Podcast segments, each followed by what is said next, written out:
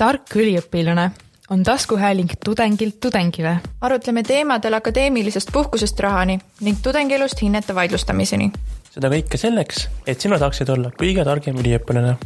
ausalt. otse. ning kartmatult. tere, me oleme siin tagasi, on uus aasta ja see tähendab seda, et uus podcasti osa on salvestamisel jälle siin Eesti Üliõpilaskondade Liidus mina olen Eesti Üliõpilaskondade Liidu kommunikatsioonijuht Katariina Järve ja täna on minuga siin Eesti Üliõpilaskondade Liidu asejuht Kristin. tere, väga meeldiv olla külaline ühes saates ka. vahva. Äh, täna äh, me räägime siis sellest, mis äh, võib-olla Eesti inimeste jaoks kahe tuhande kahekümne kolmandal aastal on selline peamine teema, ehk siis märtsikuus, täpsemalt viiendal märtsil toimuvad ju Riigikogu valimised sotsiaalmeedias on näha, kuidas kõik poliitikud usinalt selleks valmistuvad ja kandidaatide nimekirjad äh, lähevad lukku juba jaanuari lõpus. Äh, meie aga täna tahaksime rääkida natuke sellest, äh, mida võiksid tudengid jälgida, siis selles valimiste virvarris, et kuidas, kuidas siis orienteeruda, mis on need olulised teemad tudengitele ja selle puhul meil on selline alusdokument on Eesti Üliõpilaskondade Liidu Riigikogu valimiste platvorm ja ma arvan, et hakkame sellest pihta, hakkame seda otsast äh, läbi viima. ehk siis äh, EÜL-i Riigikogu valimiste platvormis on esimese olulise punktina toodud välja tasuta kõrgharidus ja kõrghariduse piisav rahastamine. ma siin nüüd küsikski Kristinilt, et, et mida see, mida see täpselt endast tähendab? no ma võib-olla sissejuhatuseks ütleks seda, et kui see platvorm, kui me seda kokku panime umbes aasta tagasi tegelikult juba, väga varakult hakkasime peale, et siis äh, me vaatasime, see ei ole esimene kord, kui üliõpilased oma platvormi kokku panevad, tavaliselt on need olnud hästi sellised pikad ja lohisevad dokumendid, kus me kirjeldame ära kõike, mida me tahame. aasta tagasi me mõtlesime, et kuna teemasid on nagunii palju,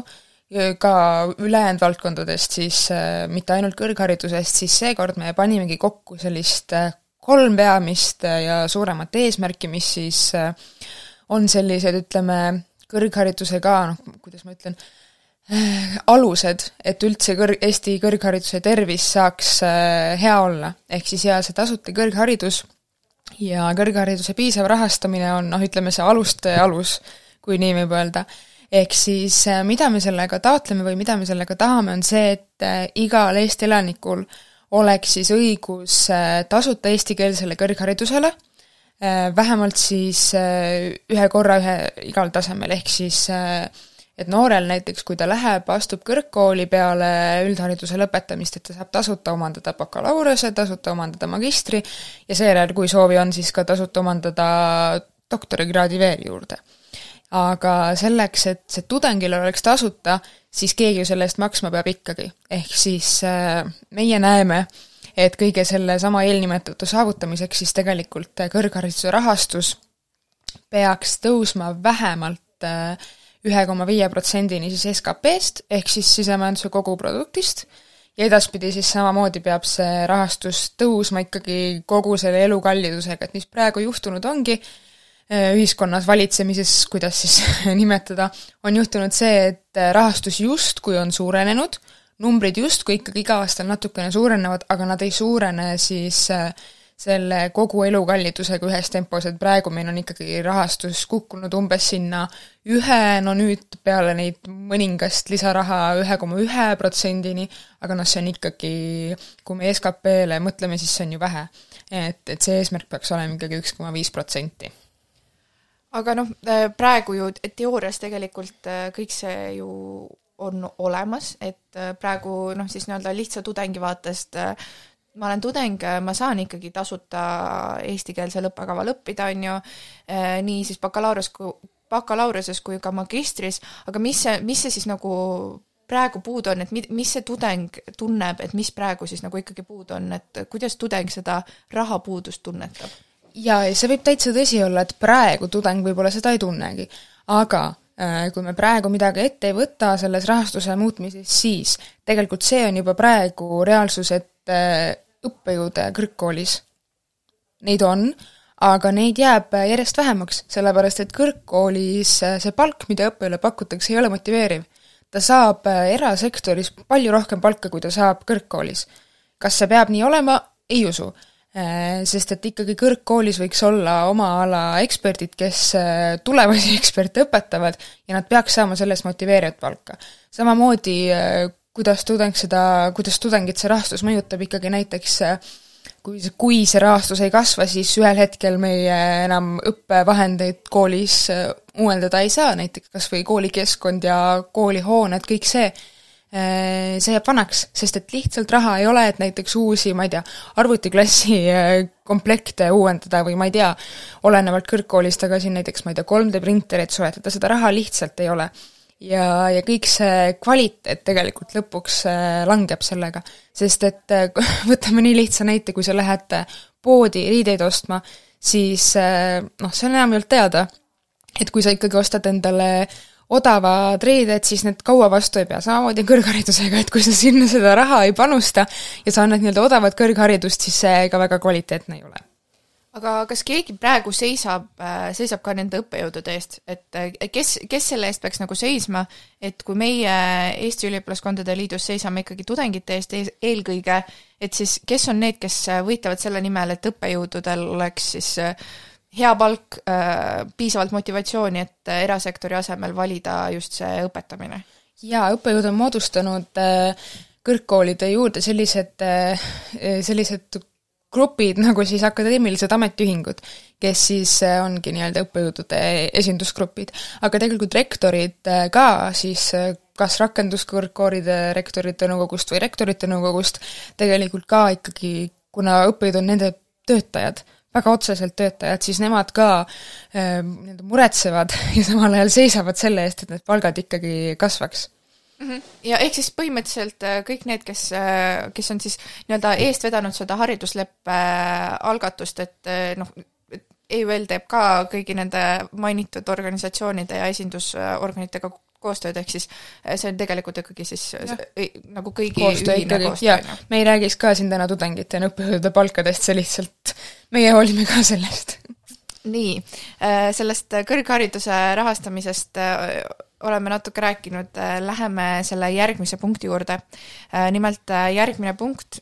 EÜL-i Riigikogu valimiste platvormis on selline, et piisavad sotsiaalsed garantiid peavad olema, mis lubavad üliõpilastel keskenduda õppimisele.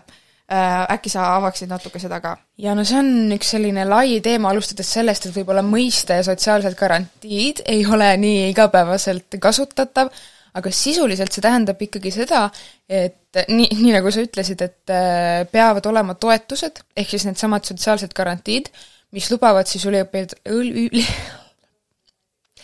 et peavad olema siis need toetused, mis lubavad üliõpilasel päriselt õppimisele keskenduda. sest tegelikult, kui õppida täiskoormusega,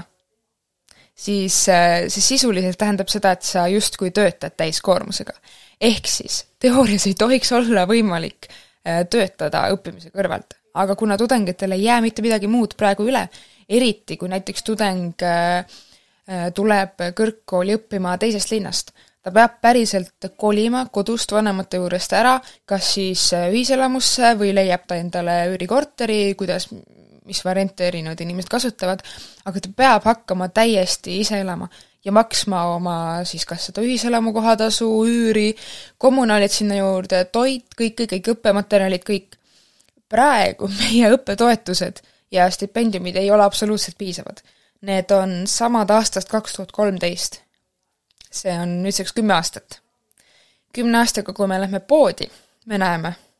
mina ei mäleta küll enam, mis olid hinnad aastal kaks tuhat kolmteist, aga ma tulen taas selle kiirnuudlite näite juurde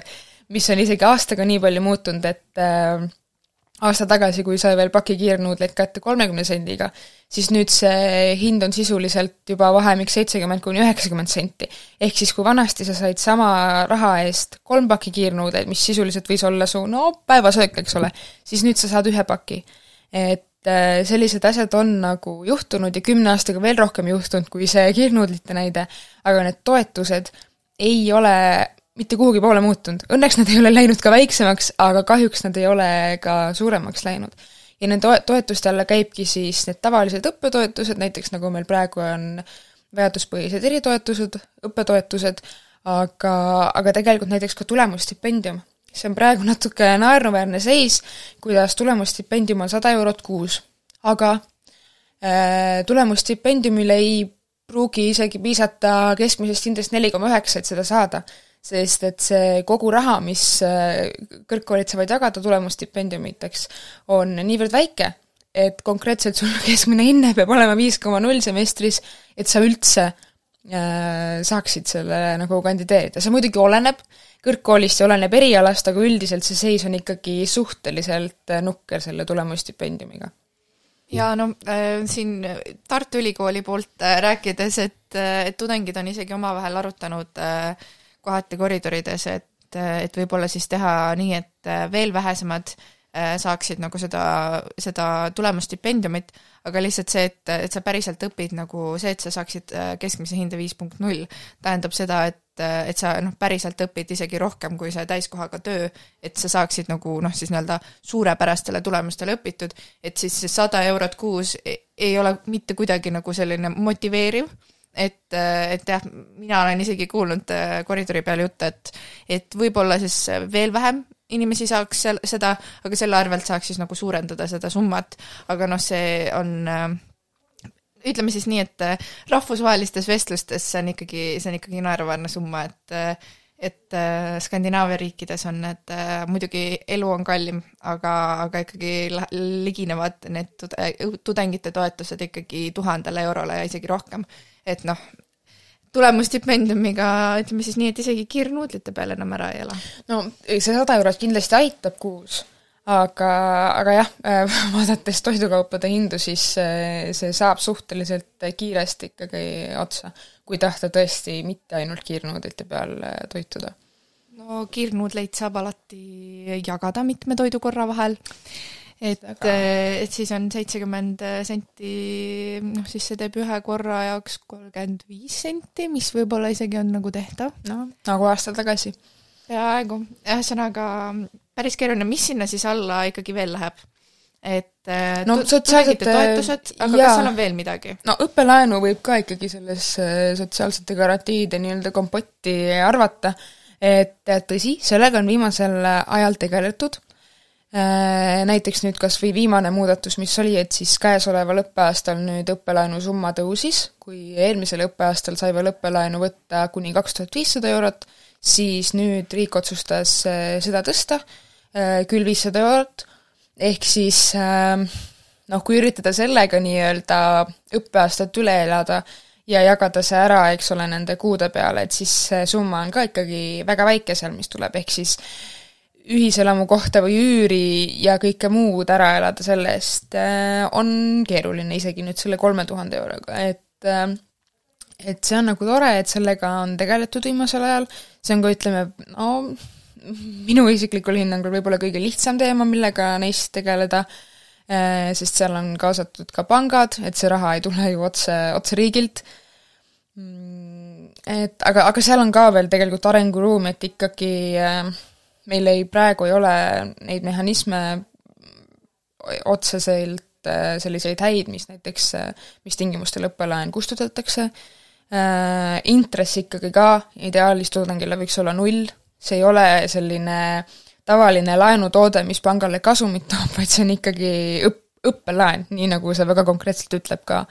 Ja, ja kui nüüd üks uuendus, mis veel tehti, eks ole, viimasel ajal siin, et kahelt käendajalt nüüd läks see käendajate arv ühele, siis tegelikult ikkagi ideaalis jällegi võiks riik käendada kõigile üliõpilastele seda õppelaenu. Jaa, tõsi, no siin äh, nende erinevate peretoetuste arutelude raames on tulnud äh, ka mõningad äh, arvamused, et ehk siis võiks õppelaenu tühistada, kui inimene saab siis viis last, et on siis suure, suurelapselise pere siis nii-öelda vastutav isik, et mis, mis sa sellest arvad? no see on kindlasti mõte, mida peab nagu natukene läbi mõtlema, et mis olukorda see siis nagu äh, tudengi või noh, siis äh, lõpetanud äh, tudengi paneb, kas see on nagu õige, millega, millega motiveerida, no ma ei tea, see on selline võib-olla natukene siin kergelt lahmitud idee, samas kohe nagu ka kõrvale ei viskaks, et seda, seda, kõiki neid äh, peab nagu ikkagi, äh, ikkagi arutama. ja no kindlasti oleks äh, parem, kui see nii-öelda see laenu kustutamine oleks ikkagi seotud mingisuguse väärtusega, et noh, kuna õppelaen vähemalt minu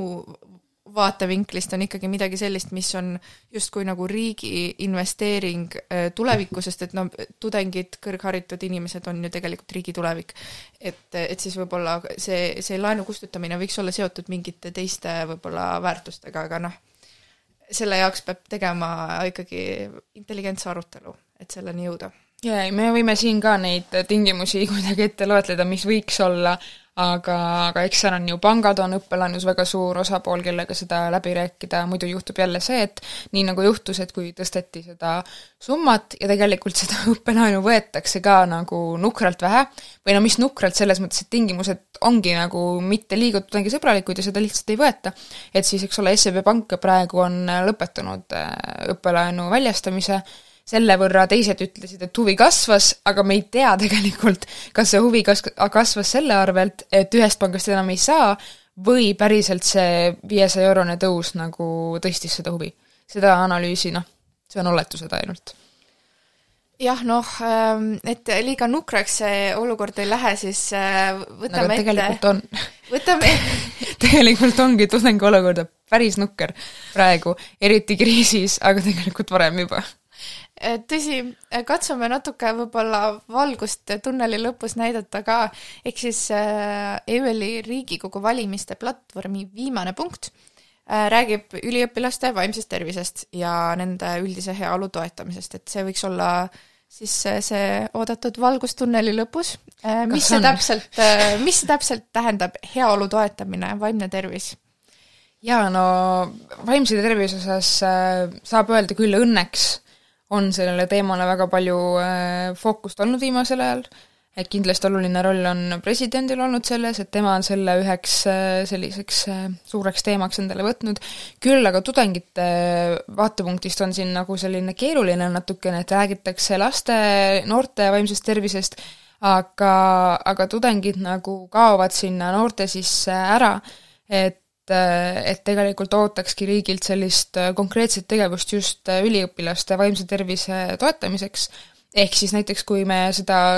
noortele kavandatavat strateegiat, kõik, mis on siin välja mõeldud, kõik, et me saaks seda ikkagi kuidagi rakendada üliõpilastele ka. ja selleks loomulikult noh, alustada tuleb sellest, et igas kõrgkoolis oleks, äh, oleks võimalik psühholoogilist nõustamist pakkuda üliõpilastele. et et äh, kui meil siin äh, viimane Eurostudent, mis küll nüüd jääb äh, mõn-, mõni aeg tagasi, aga juba seal tegelikult võrdluses siis nii-öelda üle-eelmise küsitlusega kolm korda rohkem oli neid tudengeid, kes märkisid, et neil on vaimse tervise probleem. ja tõesti, siia vahele on jäänud väga keerulisi perioode, eks ole, alustades pandeemiast, lõpetades siin praeguste kriisidega, et need kindlasti positiivselt ei aita kaasa sellele vaimse tervise olukorrale. ehk siis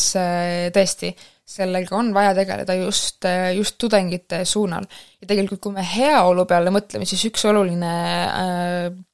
sihtgrupp äh,, grupp tudengeid, kellele me siin äh,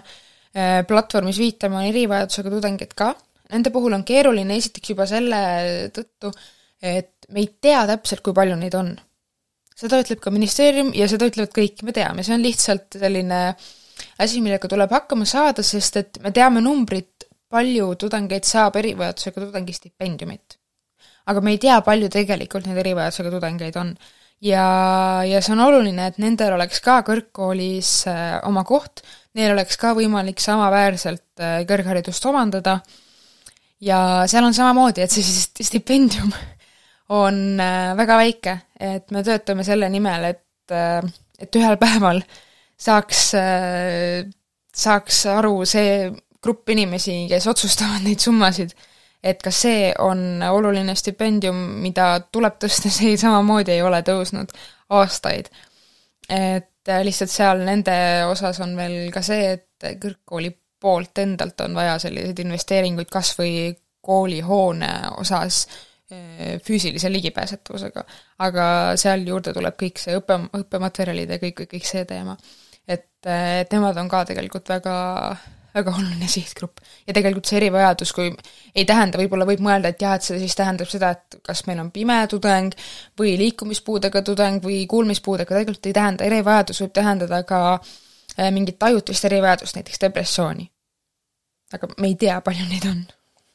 aga mis need just, kui rääkidagi siis äh, erivajadustega tudengitest, noh, nendest väga palju ikkagi meedias ja noh, sellises nii-öelda laiemas plaanis võib-olla tavatudengi ei ole sellest nagu väga palju kuulnud, et mis nende jaoks praegu on need kõige põletavamad nagu teemad, mis on need nagu suurimad murekohad? no eks see teema tegelikult äh, tänu äh, kõrgkoolides töötavatele erivajadusega tudengite nõustajatele, see teema on väga palju noh, ütleme, ma julgeks väita küll arenenud viimasel ajal aga ikkagi on seal see teema, et kuna neid erivajadusega, vajadusi ongi tõesti erinevaid, siis see, et õppejõud oleks valmis oma seda õppetööd kohandama, kas eksamite läbiviimisel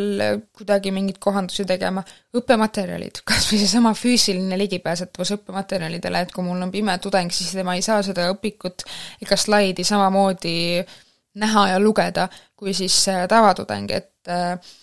et see nõuab äh, kõikide osapoolte sellist äh, head koostööd ja siinkohal ongi erivajadusega tudengite nõustajatel väga oluline roll, kes siis äh, tihtipeale on selleks vahendajaks siis tudengi ja õppejõu või siis teiste koolitöötajate vahel, et kuidas neid kohandusi kõige paremini teha. ja see on selline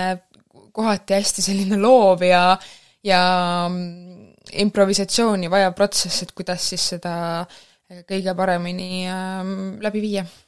aga kas, kas seal on mingid toetused ka riigi poolt äh, mängus, et noh, ma mõtlen praegu sellele õppejõule, kes niigi saab väga vähe palka, nagu me siin alguses rääkisime, et äh, ma lihtsalt mõtlen, et kui, kui ta peaks nüüd oma, ma ei tea, kui tal on kogu oma aine üles ehitatud sellele, et ta näitab slaide,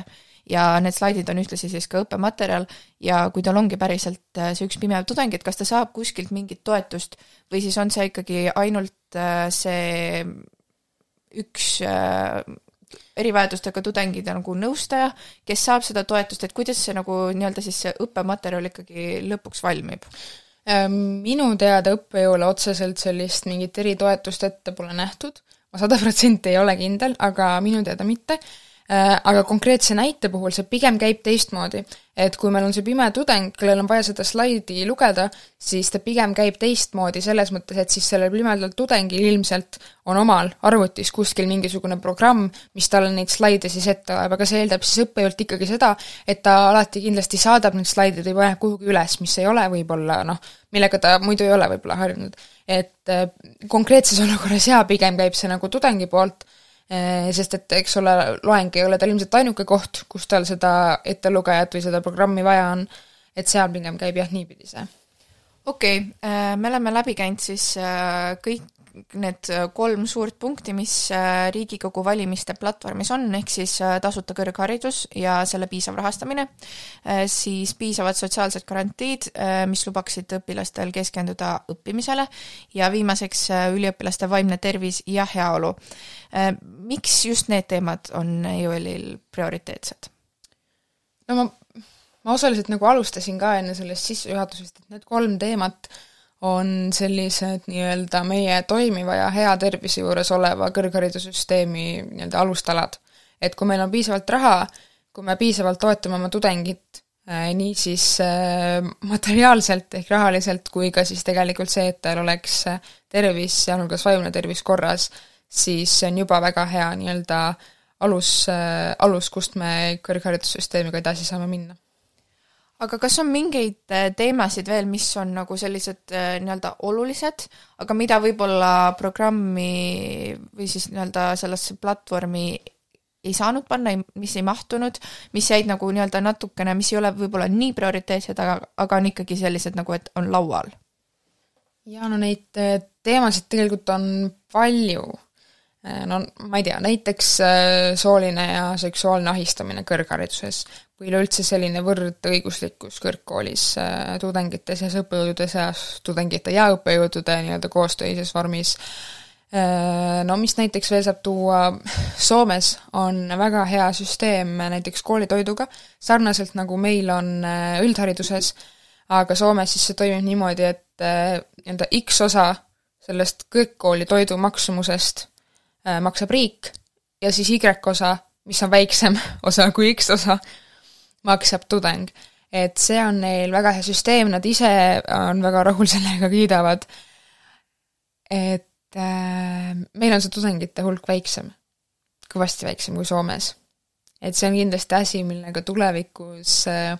millele esiteks võiks tulevikus mõelda ja kui mõtlemine jõuab nii kaugele, et meil oleks võimalik seda teha, siis, äh, siis asuda päriselt tegudele. ja no siis äh, võib-olla saaks see tudengi toidulaud natuke rikkamaks kui pakinuudlid, et äh, toitainete rikas toit ikkagi aitab siis ta saab ka... vähemalt, vähemalt lõunasöögi või vähemalt ühe korra päevas ikkagi sooja toitu. jah, ja noh, eks see aitab ju ma ei ole küll ekspert, aga, aga ma olen üsna kindel, et toitainete rikas toit aitab ka õppimisel ja üldse siis nii-öelda vaimse tervise ja üldise heaoluga kaasa, ehk siis see on päris, päris hea mõte, mida kaasa võtta. aga nüüd lähme konkreetselt äh, valimiste juurde. Äh, me rääkisime läbi, mis on need peamised teemad. Äh, mida, kas, kas on mingeid nagu olulisi asju siis, mida just nagu, mida tudeng võiks jälgida enne seda siis nii-öelda oma valimisotsust tehes, et no üsna pea, okei okay,, oleme ausad, päris paljud on juba alustanud oma siis sellist vaikset kampaaniat, üsna pea äh, muud me ei, ei kuule, ei näe, kui poliitikute kriiskamine erinevate lubadustega, et äh, kuidas nagu tudeng võiks siis orienteeruda selles vallas just nii-öelda siis tudengi õiguste ja tudengi heaolu vaatenurgas, et mida, mida võib-olla otsida nendes lubadustes mm? -hmm.